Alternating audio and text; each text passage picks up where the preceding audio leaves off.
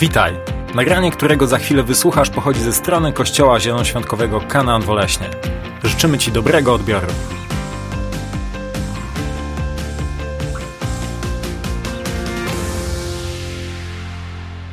Kazanie, które dzisiaj mogę wygłosić, to kazanie, które tak naprawdę głównie wygłaszam do siebie. To jest coś, co dzwoni w moim sercu i kiedy przeglądałem sobie sowę i robiłem rzeczy, e, spisywałem rzeczy, o których chciałbym mówić, to to się przewijało cały czas i cały czas. I e, ciężko było o tym nie mówić, jeżeli Bóg mi to tak wciska i pokazuje, mów o tym, mów o tym.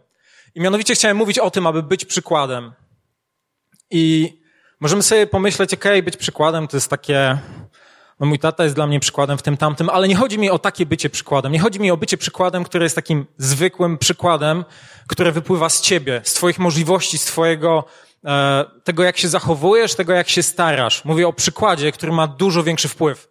Przykładzie, który wynika z twojej relacji z Bogiem, z tego, że idziesz za Jego głosem i zaczynasz robić rzeczy, o które nigdy się nie podejrzewałeś. O taki typ przykładu mi chodzi. E, I kiedy popatrzymy się na Biblię, Przykład to jest naturalny język Biblii. Nie wiem, czy zwróciliście kiedyś na to uwagę. Mi to się tak rzuciło w oczy, że Pan Bóg mówi do nas bardzo mocno przez przykłady. Jezus, kiedy przyszedł, mówił nam w przykładach przez przypowieści. Pokazywał nam różne sytuacje i jak się ludzie w nich zachowali, pokazywał nam, czy to było dobre, czy złe. Biblia przez cały Stary Testament pokazuje nam historię różnych ludzi i do niektórych mówi, co było dobre, do niektórych mówi, co było złe, a w niektórych sytuacjach daje nam bardzo szerokie pole w stylu ćwiczenia, ok, masz tą sytuację i teraz popatrz się na kontekst i powiedz mi, co uważasz w tej sytuacji. A ja ci później wyprostuję twoje myślenie. Jest wiele takich sytuacji, których może na początku nie rozumiemy, ale kiedy zaczynamy czytać Biblię i zaczynamy patrzeć na to, jak Bóg się patrzy na te sytuacje, to zaczyna nam się układać to. I to jest bardzo fajne. To są takie Boże ćwiczenia w naszym życiu. I wiecie, z takich negatywnych przykładów w Biblii, które możemy znaleźć, nie trzeba ich nawet bardzo daleko szukać. Możemy widzieć Judasza, ale widzimy też Saula, który zaczął jako król, niestety skończył bardzo słabo. Możemy widzieć Samsona, który został powołany do wielkich rzeczy. Myślę, że nikt z nas nie może się popisywać taką siłą, o jakiej czytamy w Biblii, jaką miał Samson, który potrafił skruszyć dwie kolumny. Jeżeli potrafisz skruszyć dwie wielkie kamienne kolumny, masz mój podziw. Jakkolwiek nie poznałem jeszcze takiej osoby. Samson był taką osobą, był niewiarygodnie wyposażony przez Boga, ale stał się negatywnym przykładem. Pomimo tego, że działał w wierze i jest później w Nowym Testamencie wspomniany jako przykład wiary, przykład jego życia nie jest najlepszym przykładem. W końcu mamy też przykład Adama i Ewy. To jest także negatywny przykład. To jest przykład ludzi, którzy znali Boga. Przychodzili do Niego, spotykali się z nim twarzą w twarz, w zasadzie Bóg przychodził do nich. I niestety to wszystko stracili. To są przykłady, które możemy wziąć, popatrzeć się na nie i wyciągnąć z tego rzeczy, według których nie powinniśmy żyć. Ostrzeżenia dla naszego życia, aby nasze życie nie skończyło się w podobny sposób. Na szczęście Biblia daje nam też cały szereg pozytywnych przykładów, przykładów, które możemy brać, inspirować się nimi i odnosić je do różnych części naszego życia, ale także do całego naszego życia. W końcu mamy przykład Jezusa. Jezusa, który był Bogiem, ale stał się człowiekiem po to, aby nam pokazać, jak działa Bóg, jak mogę się z Nim komunikować, jak mogę wejść w żywą relację z Bogiem. Jezusa, który praktycznie przez cztery księgi Nowego Testamentu pokazywał nam, jak dobry i niesamowity jest Bóg. Jak dobry i niesamowity jest Bóg Ojciec, który ma dla nas cały czas dobre rzeczy. Są też zupełnie inne przykłady. Jest przykład Dawida, o którym opowiadamy czasem na, naszym małym dzieciom i mówimy, widzicie, był taki Dawid, miał 13 lat, wziął kamienie i sprzątnął Goliata. To jest bardzo często pojawiająca się historia, nie wiem czemu. Znaczy, no wiem czemu, no ale rozumiecie. Jest dużo innych przykładów w Biblii, które są pozytywne i które są negatywne. I przykład, tak jak wspomniałem, jest naturalnym sposobem, w jaki Bóg nam pokazuje pewne rzeczy. Jeżeli zaczynasz się do Boga modlić, żeby Bóg ci coś pokazał, nie wiem jak to jest u was, ale w moim życiu to jest tak, że Bóg działa przez przykład. Bierze, wyciąga coś z filmu, który oglądam, z książki, którą się inspiruje i pokazuje mi, tak właśnie jest. Pytałeś się mnie o to, tak to wygląda. A później pokazuje mi, jak to wygląda w Jego słowie i otwiera moje oczy na rzeczy, o które się Go pytam. Dlatego nie chcę się skupiać w tym kazaniu tylko i wyłącznie na ziemskim przykładzie, na przykładzie, który wypływa z ciebie. Bo dużo większy i lepszy przykład jest ten, który wypływa z Boga, który działa w naszym życiu. I po pierwsze, co musimy zrozumieć o przykładzie, to przykład się wywodzi z naszego powołania. On swoje źródło bierze z naszego powołania. Możemy wrzucić pierwszy slajd. Bardzo mi się podoba historia Gedeona. Gedeona, który został nazwany Jerubal. A został nazwany Jerubal ze względu na to, co zrobił i sobie o tym przeczytamy. Ale na samym początku, kiedy Izrael był, już zdobył ziemię obiecaną, ale jeszcze nie miał króla, co jakiś czas odpadał od Boga i wracał do Boga. Odpadał w sensie czcił obce bóstwa, czcił bogów danego kraju i sprzeniewierzał się temu, co powiedział Bóg, aby tylko służyli Jemu i szli za Jego głosem. Izrael odpadał, zaczynał robić swoje rzeczy, zaczynał brać sobie żony e, lub mężów z krajów, które były dookoła i zaczął czcić w międzyczasie bogów tych krajów dookoła, co było dla Boga obrzydliwością, było czymś strasznym. I to nie było czymś strasznym tylko dlatego, wiecie, nie czcicie mnie, zraniliście moje serce. Tutaj zupełnie Bogu nie o to chodziło. To było czymś strasznym, ponieważ to się wiązało na przykład z tym, że składałeś swoje dziecko w ofierze. To było czymś strasznym dlatego, że nie obchodziło cię nagle życie drugiej osoby. Jeżeli sobie przeczytamy Stary Testament, rzeczy, które się działy w krajach ościennych, nawet nie nazwalibyśmy barbarzyństwem. Jeżeli oglądasz czasem wiadomości i widzisz, co robi ISIS albo inne organizacje terrorystyczne, no to oni się patrzą na przykład tego, co się działo w Starym Testamencie. Oni się patrzą na przykład tamtych ludów, które po prostu mordowały się na lewo i prawo. Wiecie, to nie było tak, jak sobie teraz myślimy, że tam Izrael przyszedł i był strasznie okrutny dla tych wszystkich wiosek, wszystkich miejsc dookoła. Nie. Ci ludzie byli tak zepsuci grzechem, w którym żyli, byli tak zepsuci kulturą, w której żyli, że trzeba było zrobić z tym czystkę po to, żeby mogło tam się coś nowego zbudować, żeby mogło tam powstać życie. To była tak naprawdę duchowa pustynia. Jakkolwiek był czas w życiu Izraela, kiedy oni tak odpadali od Boga. I przez to Bóg przysyłał na Izrael różnego rodzaju klęski. W przypadku Gedeona to były najazdy Midianitów. Midianici to był lud, który przychodził ze swoimi stadami owiec, ze swoimi stadami wielbłądów i zjadali wszystkie plony Izraela.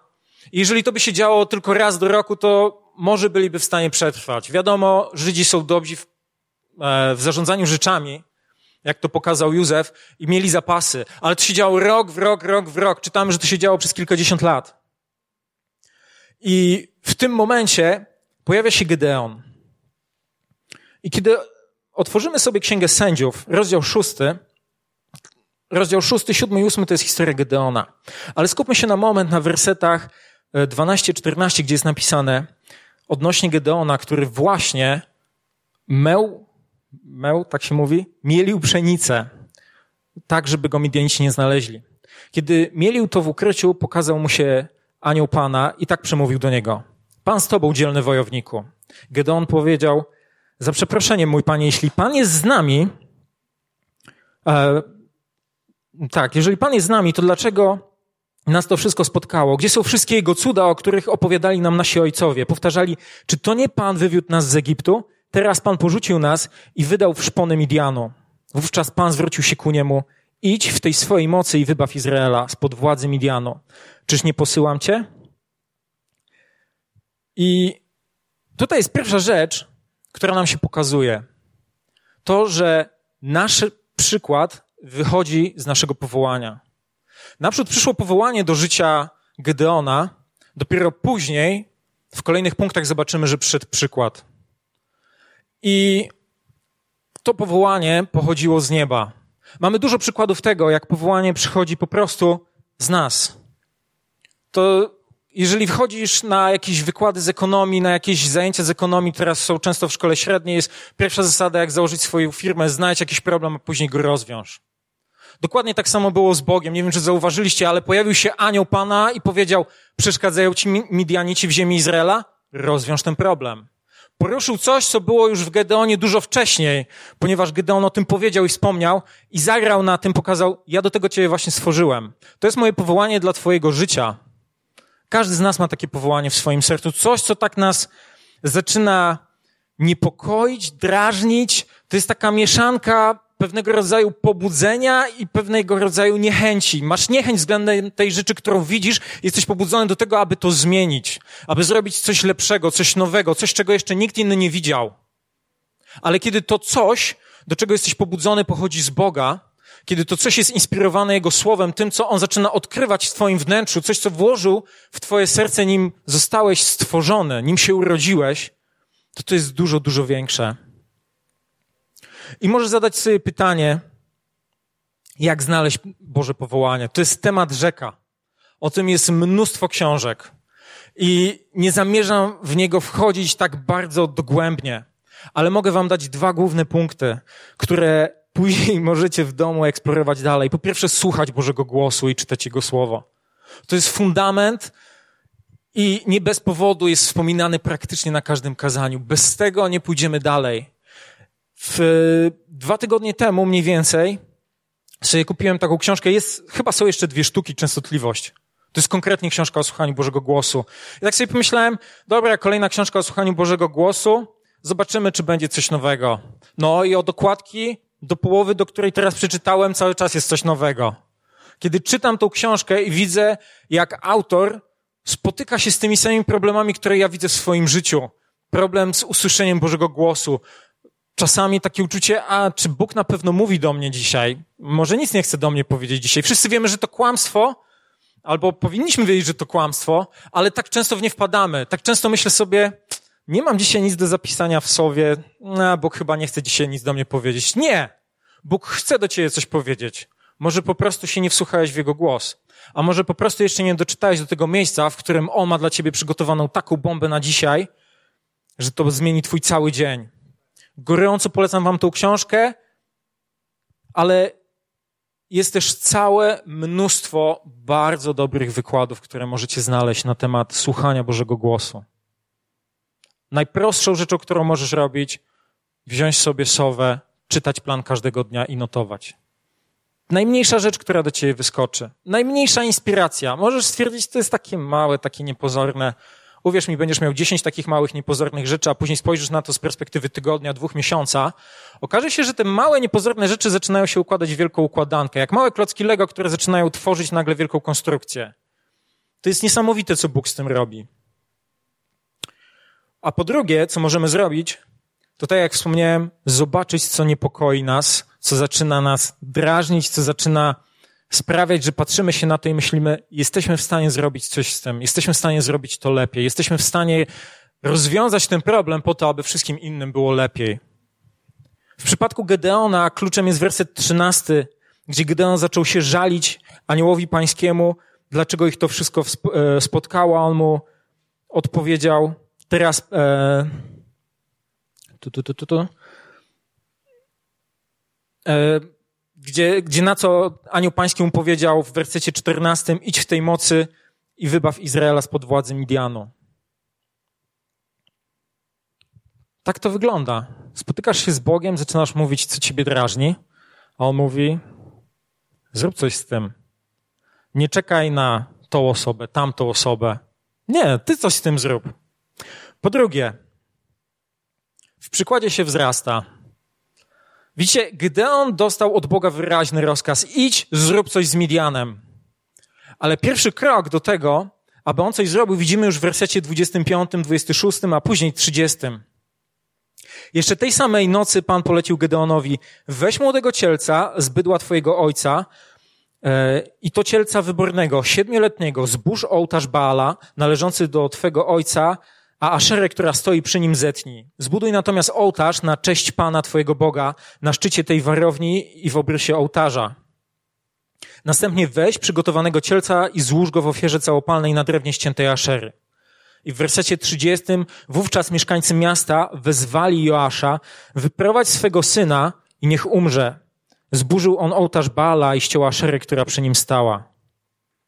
Widzicie, Bóg powołał Gedeona do tego, aby on wybawił Izraela od Midianu, o, czy od Midianitów.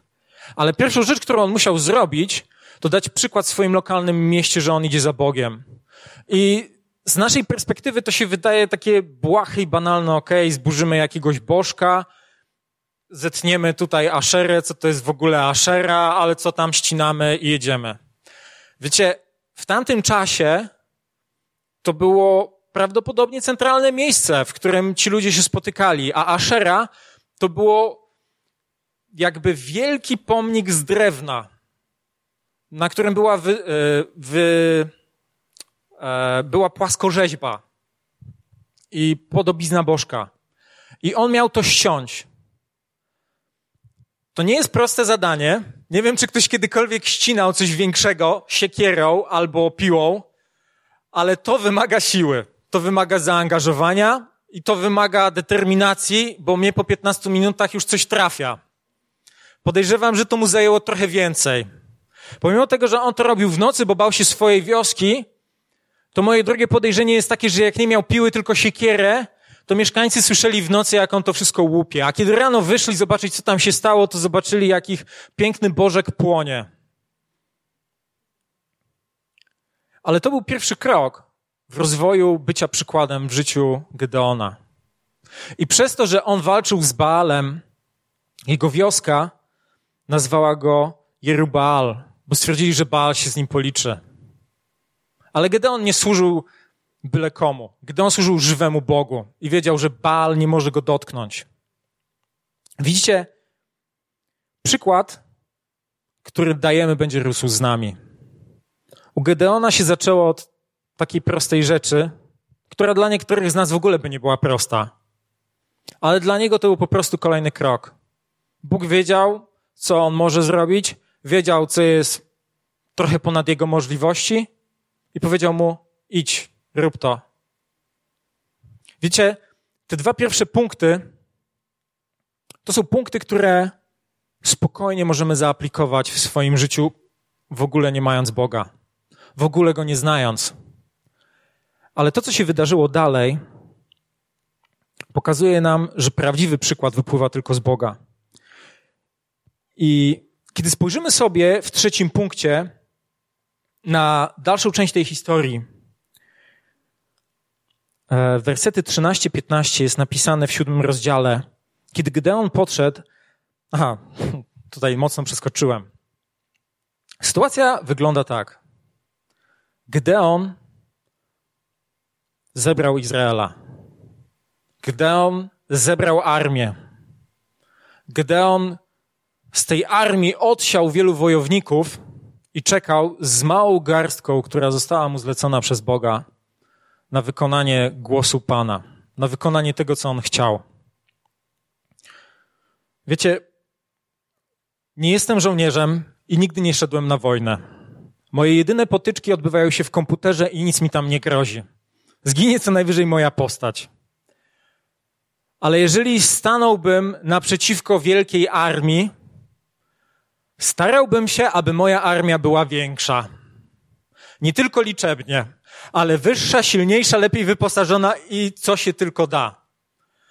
Natomiast w przypadku Gedeona przyszedł Bóg i powiedział: Nie, nie, nie. To jest za dużo. Robimy redukcję. I tak Bóg zredukował armię Gedeona do 300 osób.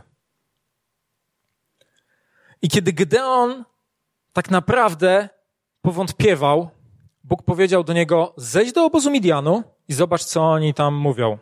I wtedy Gedeon, będąc przy tym wielkim obozie, o którym jest napisane, że było ich bez liku, że nie dało się ich policzyć, zszedł, zaczaił się i przy jednym z ognisk usłyszał coś takiego. Akurat jeden wojownik opowiadał drugiemu swój sen. Śnił mi się okrągły bochenek jęczmiennego chleba. Wtoczył się on do obozu Midianu i uderzył w namiot tak, że go przewrócił spodem do góry i namiot padł. A jego towarzysz stwierdził, to nic innego jak miecz Gedeona, syna Joasza Izraelity. Bóg wydał Midian wraz z całym obozem w jego ręce. Gdy Gedeon usłyszał opowiadanie o tym śnie oraz jego wykład, skłonił się przed Bogiem. Wrócił do obozu Izraela i rozkazał, wstawajcie, Pan wydał obóz Midianu w nasze ręce. Widzicie, możesz wyjść i stwierdzić, ok, powtórzymy tą sztuczkę. Zostaje sobie 30, 300 e, osób. Albo jeszcze podkręcę tutaj śrubę, zostawię sobie 10 osób. Ale to w ogóle nie będzie wypływało z Boga, to będzie twój prywatny plan. Bóg dostał 10 tysięcy e, zbrojnych ludzi z Izraela. I powiedział, to będzie za dużo. I redukował, redukował naprzód tych, którzy się bali, później tych, którzy pili wodę, e, a konkretnie zostawił tych, którzy chłeptali wodę, jak e, w Biblii jest napisane, jak psy, czyli schylając się do wodopoju, a nie podnosząc w rękach, tych 300 weźmiesz ze sobą. Widzicie, Bogu nie chodziło o to, żeby pokazać, że Izrael jest w stanie odnieść zwycięstwo. Mu nie chodziło o to, żebyśmy sobie żyli po paru tysiącach lat, robili analizę tego, jaki niesamowite to było zwycięstwo, jaką super strategię miał Gedeon, że oni zrobili to, zrobili tamto, zrobili o wam to. Tutaj nie chodziło o to. Bogu chodziło o jedną prostą rzecz. Że jesteś w stanie odnieść zwycięstwo w Nim. Tylko w Nim. I późniejsza analiza fajnie się patrzy na rzeczy, które minęły, ale jeżeli ja bym stał naprzeciwko wielkiego obozu wroga miał z sobą 300 osób, ciężko mi było uwierzyć, że ja jestem w stanie sam wywołać zwycięstwo i że moja super strategia mi pomoże. Bo jakoś nie widziałbym tego, że te kilka tysięcy wojowników ze swoimi wielbłądami, koniami, e, innymi przyrządami do toczenia wojny jest e, w stanie zostać zmieciona przez moją garstkę ludzi, która nawet nie jest w stanie otoczyć ich obozowiska. Bogu chodziło tylko o to, aby pokazać, że jest Bogiem zastępów. I często mówimy, Ty, Panie, jesteś Bogiem zastępów, ale nie zdajemy sobie sprawy z tego, że zastęp to jest armia. Bóg zastępów to jest Bóg armii. Bóg, który ma armię pod sobą i któremu żadna armia się nie ostoi. Bóg chciał pokazać przez przykład Gedeona, że on jest w stanie zrobić coś, co nawet nie przychodziło im do głowy. I tak zrobił. Wziął 300 osób i zniszczył Midian. Kiedy przyszedł Gedeon, oni sami zaczęli się wycinać. Oni sami wpadli w taką panikę przed Gedeonem, ponieważ Bóg zasiał już coś wcześniej w ich sercach.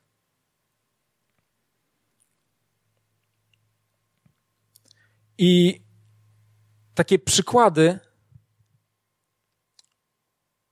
które wypływają z Bożego prowadzenia, pojawiają się w Biblii co róż, w Starym i w Nowym Testamencie. Możemy przechodzić przez kolejne księgi i widzieć, jak Bóg mówi nie takie proste rzeczy do ludzi, którzy chcą słuchać Jego słowa, robią kolejny krok. Widzicie, jeżeli powiedziałbym Wam, że ktokolwiek może chodzić po wodzie, to byście powiedzieli sam Jezus. A później zaczynamy sobie przy, e, przypominać o tym, że w sumie Piotr też chodził po wodzie. Bo zapytał się Jezusa, jeżeli to jesteś ty, to powiedz mi, żebym wyszedł z łodzi. Bóg powiedział, spoko, przyjdź do mnie. To nie wiem, jak potężny umysł ścisły musiałby się zaangażować w rozkminianie, co tam się właśnie wydarzyło, dlaczego ta woda nagle stała się tak twarda, że Piotr mógł po niej stać. W sumie nawet mnie to nie obchodzi, bo widzę zasadę, która z tego wypływa. Jeżeli Bóg coś do mnie mówi, to naprawdę opłaca się za tym pójść. Bo rezultat tego będzie później niesamowity. Przykład, który z tego wypływa, jest nawet słyszalny po dwóch tysiącach lat, kiedy mówimy o wyjściu z łodzi. Stało się to przykładem uwierzenia w Boże Słowo, pójścia dalej. Takich przykładów jest wiele i wiele. I możemy ich znaleźć naprawdę w każdej księdze biblijnej. Więc jeżeli chcielibyśmy zobaczyć, jak to działa, to po prostu pomódlmy się do Boga. I On nam zacznie mówić, co mamy robić. Prośmy Go, a On nam odpowie. Bóg będzie z Tobą rozmawiał w bardzo indywidualny sposób. Kiedy Ty Go o coś prosisz, nie usłyszysz słyszalnego głosu z nieba. Tak mi się wydaje. Bo do mnie Bóg mówi w sposób, który ja rozumiem i który dla ciebie może być wariactwem, albo może być czymś, co zupełnie ignorujesz. Dlatego to jest mój sposób rozmawiania z Bogiem. To jest moja komunikacja z Nim. Ale On mnie zna i wie, że to na mnie działa. On mnie zna i wie, że to, co On do mnie powie, poruszy moje serce. Ale jestem przekonany, że kiedy Ty Go zapytasz, o to dobrze, to jaki jest mój kolejny krok, to On Ci odpowie. Wiecie, Gedeon, pomimo tego, że pokazał mu się anioł pański, on nie do końca jakby wierzył w to, co usłyszał. Albo inaczej, to było dla niego tak wielkie i tak przerażające, że jeszcze później kilka razy pytał się Boga, ale czy to na pewno jest tak? Jeżeli jest tak, to spraw, że cała ziemia będzie sucha, a to runo będzie mokre.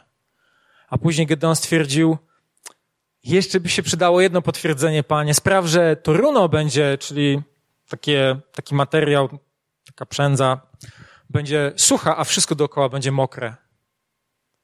I Bóg tak zrobił. Nie bójmy się pytać Boga o to, żeby nam coś potwierdził, powtórzył drugi raz.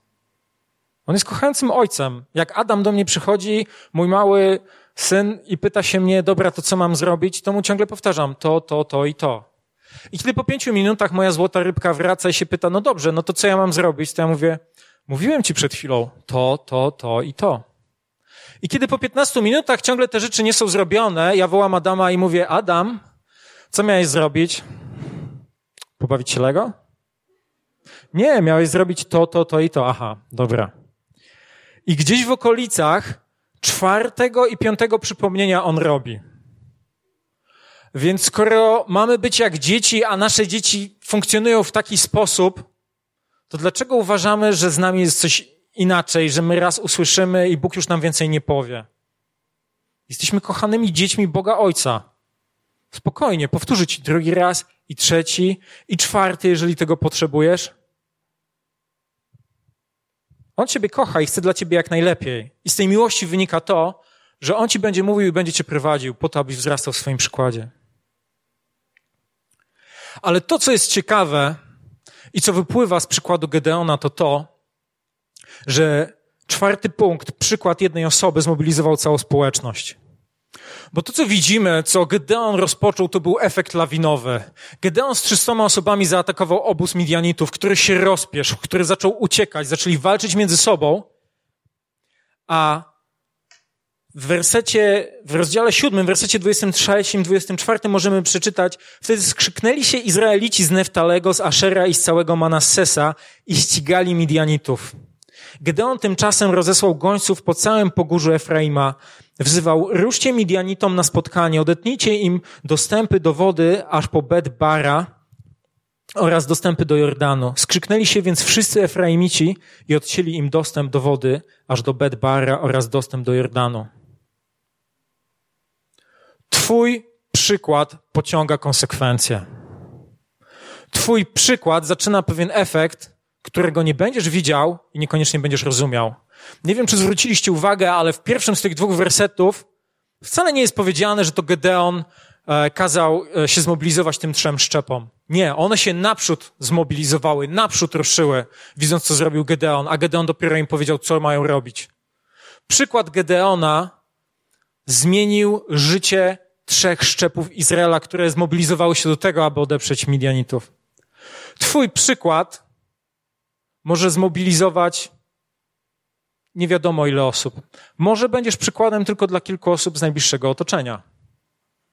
Może będziesz przykładem dla kilkudziesięciu osób z Twojego miasta, z Twojej firmy, z miejsca, w którym żyjesz. Może staniesz się przykładem dla wielu, wielu tysięcy osób. Ale jeżeli Twoje życie jest zakorzenione w Bogu, to Twój przykład może być przykładem dla kolejnych i kolejnych pokoleń i przewijać się przez kolejne dziesięciolecia. Widzicie, przykład Gedeona zmobilizował Izraelitów. Jego przykład używam teraz jako przykład tego, co Bóg potrafi zrobić. Po trzech tysiącach lat taki jest efekt słuchania Bożego głosu. To, co zrobisz, dla ciebie w ogóle nie jest mierzalne, bo twoja skala w głowie tego nie obejmuje. Nie jesteś w stanie przewidzieć, co Twój przykład zmieni. Druga sprawa jest taka, że tak jak powiedziałem, to jest efekt lawinowy. Ty wprawiasz w ruch pewną kulkę, ona uderza w kolejne, a one w kolejne i kolejne. Te kolejne życia, które zostaną poruszone Twoim przykładem, wezmą to, co od Ciebie jest najlepsze i pójdą dalej i nie wiesz, nie wiesz, jak będzie wyglądało życie tych kolejnych osób. Billy na nazwisko Graham, jakkolwiek powiedziałem to źle, ale nie szkodzi, był niesamowitym ewangelistą. I nawrócił się dlatego, że pewna osoba zapraszała go regularnie do kościoła. Jeżeli dobrze kojarzę. I życie tamtej osoby nie było spektakularne. Nie była wielkim ewangelistą. Była zupełnie zwykłą osobą ze zwykłego kościoła, która przez bycie posłusznym Bogu i Jego słowu w swoim życiu posłuchała Jego głosu, żeby zapraszać i efekt życia tej osoby dotknął tysięcy, tysięcy osób. Wiecie, jest mnóstwo negatywnych przykładów, ale nie chcę się na nich skupiać. Bardzo ciekawym przykładem, który znalazłem, jest przykład osoby, której historię opowiedziano w filmie Przełęcz Ocalonych. Nie wiem, czy ktoś widział ten film. Jest to niesamowity film człowieka, który stwierdził, że musi coś zrobić. Zobaczył drugą wojnę światową i stwierdził, że chce wziąć w niej udział, ale nie chce strzelać. Nie chce zabijać. Człowieka, który sam zaciągnął się do armii amerykańskiej i przez to, że on nie chciał wziąć broni do ręki, to jego koledzy ze szkolenia poniżali go, w którymś momencie pobili go po to, żeby on sam się wycofał ze szkolenia. Ten człowiek nazywał się DOS przez dwa S. Desmond DOS. I na końcu szkolenia został wręcz pozwany do sądu wojskowego, że nienoszenie broni i nieużywanie jej jest wbrew kodeksowi wojskowemu. Natomiast on był przeciwny używaniu broni ze względu na doświadczenia ze swojego życia i przekonania religijne i nie chciał mieć z nią nic wspólnego. Koniec końcu jest taki, że obronił się w sądzie i sąd powiedział, ok, możesz jechać na wojnę, nie musisz używać broni. Pomimo tego jego koledzy ciągle go nienawidzili i mówili, że z nim nie pójdą do boju. Aż pewnego feralnego dnia jego 50, 56. dywizja została wysłana na Pacyfik. W którymś momencie zostali powołani do tego, aby wziąć udział w bitwie o Okinawę. Jeżeli sobie kiedyś oglądaliście filmy wojenne, to tam była rzeźnia. Taka sama jak na e, froncie wschodnim w Europie. Oni się tam po prostu dźgali, walczyli o każdy kawałek skrawek ziemi. I oni walczyli o pewien most. Ale nasz bohater stwierdził, że nie będzie nosił broni. I to, co się stało, to Amerykanie ponieśli w pierwszej bitwie klęskę. Ale to, co się stało później, zupełnie ich wstrząsnęło, ponieważ zaczęli patrzeć się na to, że skąd pojawiają się żołnierze, którzy myśleli, że są polegli w bitwie, która się odbyła dzień wcześniej. A ktoś spuszczał ich z góry, z wielkiego klifu. I kiedy ten DOS spuszczał każdego kolejnego e, żołnierza, którego znalazł na polu bitwy, modlił się, Panie, pozwól mi przynieść kolejnego. Pozwól mi uratować kolejnego. Wiecie, od żołnierzy, którzy go nienawidzili, cały oddział zmienił się w żołnierzy, którzy nie pójdą walczyć bez niego. Doszło do takiego miejsca, że Amerykanie przysłali kolejną dywizję po to, aby zdobyć Okinawę. I paradoks polegał na tym, że dowódca przyszedł do Dosa i powiedział: Mamy rozkaz zaatakować ten most, mamy rozkaz ruszyć do przodu, ale nikt nie pójdzie bez ciebie. A ty święcisz sobotę jako dzień święty, więc poczekamy na ciebie. I oblężenie się odbyło następnego dnia. On po wojnie dostał medal, to się nazywa Medal of Honor, który jest przyznawany przez prezydenta armii USA. Nie użył karabinu ani razu, nie dotknął go. A pomimo wszystko przez swój przykład potrafił pociągnąć za sobą setki ludzi, którzy poszli za nim. To jest bardzo, wydawałoby się niecodzienny przykład, ale nasze życie, które jest zakorzenione w Bogu, jest w stanie pociągnąć dużo, dużo więcej osób. I po piąte, bycie przykładem to jest proces do końca życia. Kiedy popatrzymy się na końcówkę życia Gedeona, to możemy zobaczyć w rozdziale ósmym e, taką historię.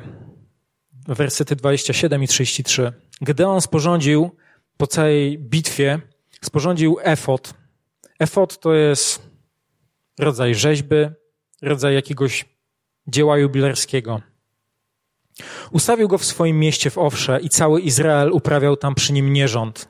Efot ten stał się też pułapką dla Gedeona i jego rodziny.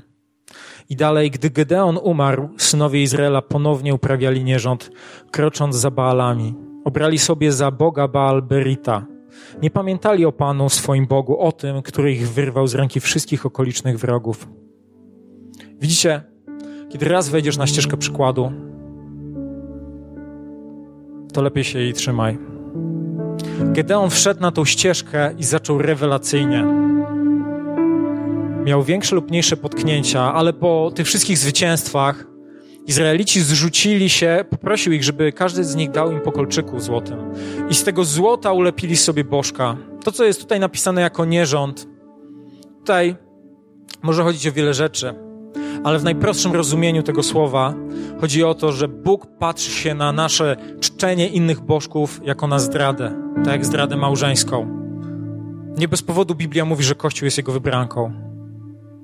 I kiedy Izraelici zaczęli czcić innych bogów, to dla Boga to była zdrada. Co więcej, ten człowiek, który przed chwilą jeszcze dawał przykład, dawał teraz przykład w czymś zupełnie innym. Przykład, który zaczniesz dawać, a na pewno dajesz, bo każdy z nas jest przykładem, nawet dla osoby, która siedzi obok ciebie. To jest przykład, który będzie trwał do końca Twojego życia. Dlatego warto się upewnić, że przykład, który dajemy, wypływa z Boga. Że przykład, który dajemy, ma źródło w osobie kochającego Boga, który dla każdego z nas ma najlepsze rzeczy to nie znaczy, że zawsze będziemy mieli najlepszy dzień w życiu. To nie znaczy, że zawsze będziemy dawali przykład, który będzie po prostu 100% naszych możliwości. To nie znaczy, że nie będziemy upadać. To nie znaczy, że nie powiemy głupich słów, które później będzie trzeba odszczekać, za które trzeba będzie przeprosić, może trzeba będzie ponieść konsekwencje. To nie znaczy, że nie będziemy robić błędów, ale to znaczy, że na koniec życia, kiedy staniemy przed Bogiem, to będzie wiedzieli, że zrobiliśmy to, do czego On nas powołał. Że zrobiliśmy to, co On włożył w nasze serce. I włożyliśmy w to tyle wysiłku i tyle pracy, ile potrafiliśmy. Widzicie? Nie tak daleko i nie tak dawno byli ludzie, którzy dawali niesamowity przykład. I oni są, niektórzy z nich żyją pośród nas i będziemy o ich przykładzie czytać za niedługo ale czytałem o osobie, która się nazywa Henryk Goldschmidt. Nie wiem, czy ktoś z Was kojarzy to nazwisko. Możecie nie kojarzyć. Możecie znać tę osobę pod pseudonimem artystycznym Janusz Korczak. To był człowiek, który urzekł mnie swoją postawą. On był Żydem. I był Żydem w czasie II wojny światowej. Ale był niesamowitym patriotą. I kiedy zaczęła się II wojna światowa, on zaczął nosić i codziennie chodzić w mundurze armii polskiej, w którym walczył wcześniej. W międzyczasie, w okresie międzywojennym, wydał wiele książek na temat prowadzenia dzieci, wychowywania dzieci, zajmujących się problemami dzieci z najbiedniejszych e, dzielnic Warszawy, w której mieszkał. Jeździł po całej Europie, dowiadując się na temat tego, jak lepiej leczyć dzieci, bo był także lekarzem, ale tego, jakie są najlepsze praktyki wychowania dzieci i e, pomagania im radzenia sobie z różnymi problemami.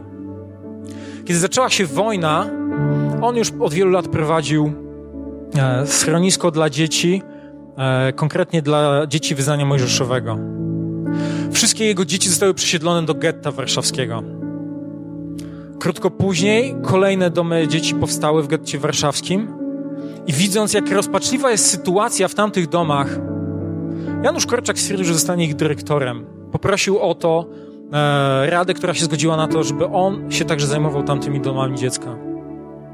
Czytałem, że nie tak długo przed wywiezieniem ich do obozu koncentracyjnego urządził w tych e, domach dziecka specjalną sztukę, po to, żeby, jak on to sam określił, przygotować te dzieci do godnej śmierci. kiedy szli z tych domów dziecka na pociąg, który miał ich zawieźć do ostatecznego, do miejsca ich przeznaczenia, oni szli cztery godziny. On był już schorowany, a pomimo tego świadkowie, którzy go widzieli, widzieli, że idzie wyprostowany, że śpiewa ze swoimi dziećmi piosenki. I pomimo tego, że ludzie oferowali mu, zabierzemy cię, schowamy ciebie, uciekaj, on powiedział, że nie.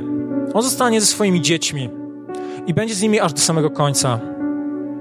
W 1942 roku 6 sierpnia został wydany rozkaz o zmniejszeniu getta i wszyscy maszerowali na pociąg, z którego mieli zostać przewiezieni do obozu koncentracyjnego. Dzień później zostali straceni. A Janusz Korczak wszedł ze swoimi dziećmi do komory, bo nie chciał ich zostawić nawet na samym końcu. Widzicie, to jest przykład osoby, która poszła ze swoim powołaniem i on chwyta za serce. Kiedy ja czytałem tą historię, ja czułem się zmiażdżony tym. Czułem się tym zmiażdżony, ponieważ odwaga tego człowieka była dla mnie konfrontująca. Ale mimo wszystko jego historia, pomimo tego, jak porywa moje serce, pomimo tego, jak jest inspirująca, nie może stać nawet blisko historii Jezusa, który poświęcił swoje życie na krzyżu.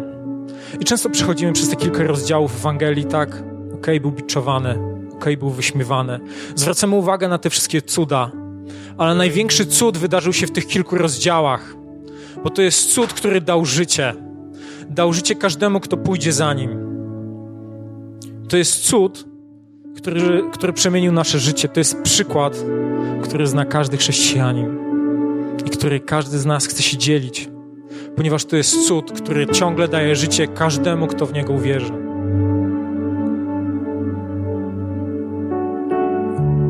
Możemy być przykładem dobrego ojca, dobrej matki.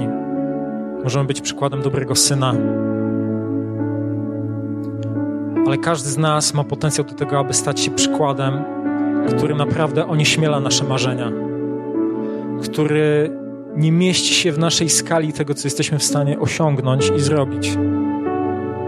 I nie chodzi o jakiekolwiek szczycenie się, bo kiedy to zrobisz, to będziesz wiedział, że to nie wynikało z ciebie kiedy dojdziesz do tego miejsca i spojrzysz wstecz, to będziesz wiedział, że ty miałeś tylko te kilka bochenków chleba i dwie ryby.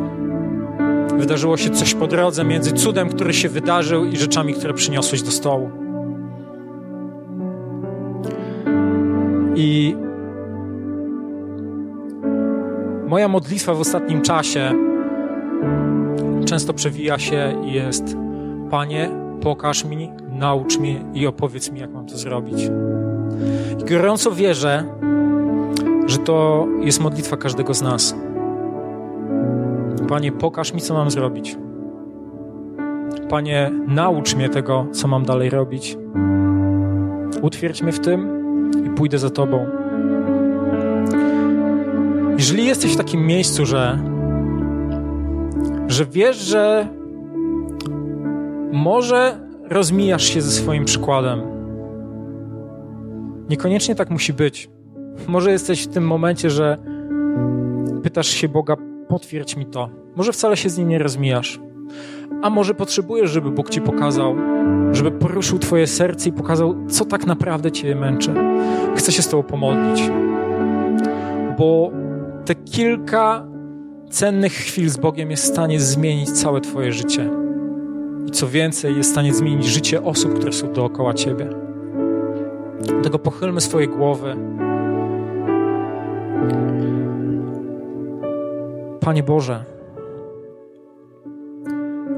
Ty wkładasz w moje serce marzenia, plany, rzeczy, które mam zrobić. Niektóre mnie przerażają, niektóre wydają się być proste, ale chcę iść za Tobą. Chcę wykonywać Twoją wolę, chcę wchodzić w swoje powołanie. Chcę być przykładem, do którego mnie powołałeś.